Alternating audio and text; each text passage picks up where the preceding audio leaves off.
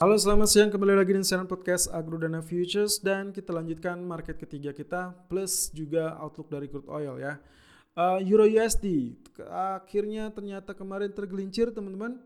Sangat disayangkan karena kemarin berarti yang paling berkuasa dominan adalah shooting star ya candle shooting star. Kemarin saya sempat mengungkapkan bahwa shooting star ini bisa saja cuma berupa gangguan dari pola tweezer bottom sebelumnya. Ternyata yang dominan adalah shooting starnya. Dan euro tergelincir sampai 1.0798 dia tertahan di kenaikan 1.0848 pagi ini dia masih tertahan di 1.0782 area terendahnya dan area tertinggi di 1.0809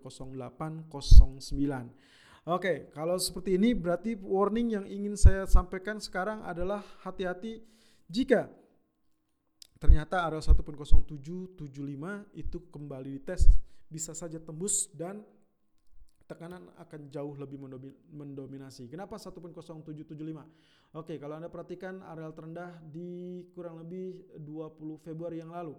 Itu adalah area terendahnya 1.0776 lalu kemudian di tanggal 6 April 1.0766 dan kemudian area terendah 24 April sempat swing sampai 1.0725 dan terakhir kemarin itu 1.0764 dan 1.0798. Jadi kemungkinan potensinya ini sudah beberapa kali diuji.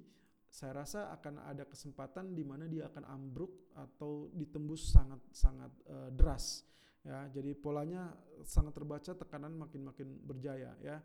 Dan juga uh, area resisten akan berada di 1.0838 ya. Ingat kemarin saya sempat mengatakan jika ternyata dia berada di atas maka kemungkinan dia akan naik ya di atas area 1.0838 kalau di bawah 1.0838 berarti dia akan cenderungannya turun ya kurang lebih seperti itu. Dan itu yang terjadi ternyata kali ini pun masih berada di area bawah 1.0838 Lalu di grafik empatnya sendiri, berarti kemarin saya asumsikan, uh, nah ini yang mencurigakan teman-teman, di area bawahnya 10764 itu bisa jadi dia akan terjadi pantulan sebagai area double bottom.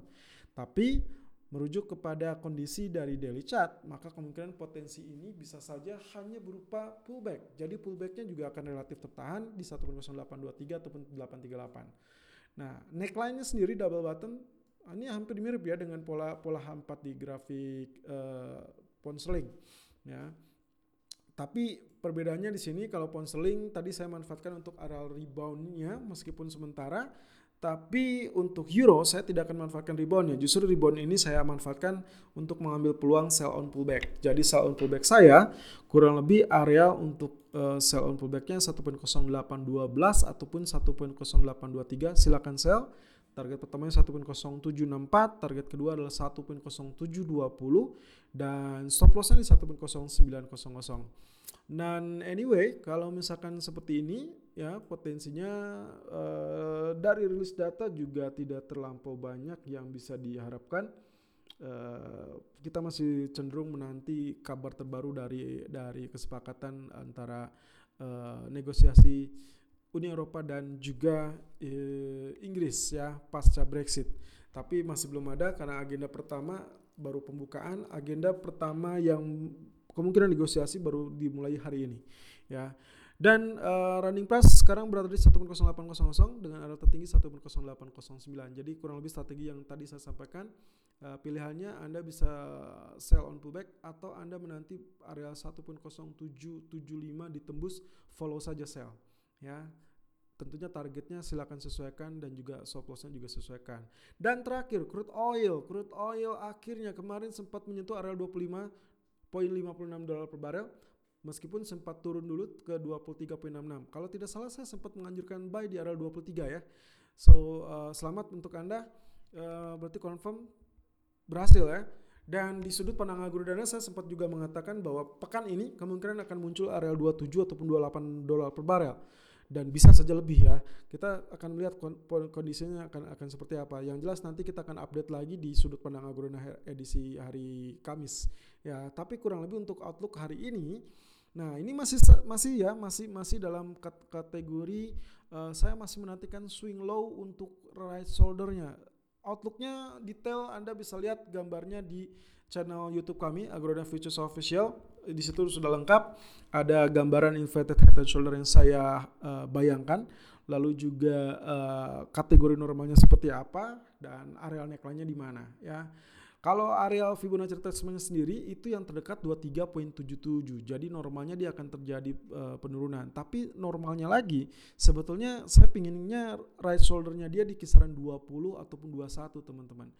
Terakhir dua hari yang lalu itu hanya sempat menyentuh areal 22 dolar per barel dan itu tidak terlampau mencolok sebagai areal right shoulder. Tapi it's okay kalau misalkan pun misalkan right shouldernya relatif lebih tinggi daripada left shoulder, it's okay. Ini masih bisa disebut inverted head and shoulder. Jadi kondisinya kurang lebih seperti demikian. Uh, konfirmasinya jauh lebih baik adalah menanti area uh, breakout. Breakoutnya berapa? 25 ya. Seperti kemarin area 25 itu adalah area breakout yang sangat bagus. Dia sempat menyentuh 25.56. Ya, kita lihat potensi untuk hari ini grafik keempatnya juga semakin cantik membentuk areal triangle, symmetrical triangle lebih tepatnya dan saya rasa ini bisa menjadi outlook yang cukup positif ya. Atau mungkin ascending triangle ya kalau saya rasa. Kalaupun ya, berarti saya sangat layak untuk melakukan buy on dip di kisaran 24.04 ataupun 24.16 dengan target pertama 24.66 dan target keduanya 25.15. Stop loss saya antisipasi di 23 0.35. Areal-areal uh, zona ideal untuk buy-nya ada di grafik yang saya sediakan di channel YouTube kami Agrona Futures Official. Silakan uh, menuju ke YouTube saja supaya lebih ringkas dan lebih terbayang untuk Anda. Lalu apa yang mendasari potensi ini masih bisa berlanjut? Oke, okay. meskipun ada masalah di tingkat supply, pasokan ya dan juga termasuk uh, recovery dari demand yang tidak berimbang tapi ada satu pernyataan yang kembali ditegaskan oleh Arab Saudi setelah kemarin menyatakan bahwa dia sepakat dengan dengan AS uh, eh, untuk uh, menstabilkan harga energi atau krisis energi ya dengan kemungkinan outlooknya adalah uh, pemangkasan produksi. Nah, Arab Saudi muncul dengan statement bahwa dia akan melanjutkan pemangkasan produksi lebih dari yang dijanjikan uh, saat pertemuan atau agreement dari OPEC Plus ya. Dan tujuannya ini adalah supaya outputnya berada di bawah tujuh setengah miliar atau juta ya.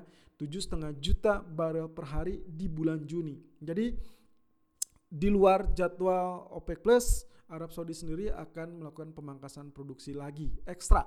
Ini yang sempat saya sampaikan bulan lalu yang saya nantikan. Dan kemungkinan kalau ini betul terjadi teman-teman berarti kita akan melihat uh, crude oil beyond 30 ya akan kemungkinan bisa saja mencapai 30. Tapi untuk hari ini saya rasa area yang paling baik 25 ataupun 26 itu cukup bagus ya. Kurang lebih seperti demikian. Terima kasih atas perhatian Anda. Selalu gunakan stop loss dan risk management sesuai dengan equity dan strategi trading Anda.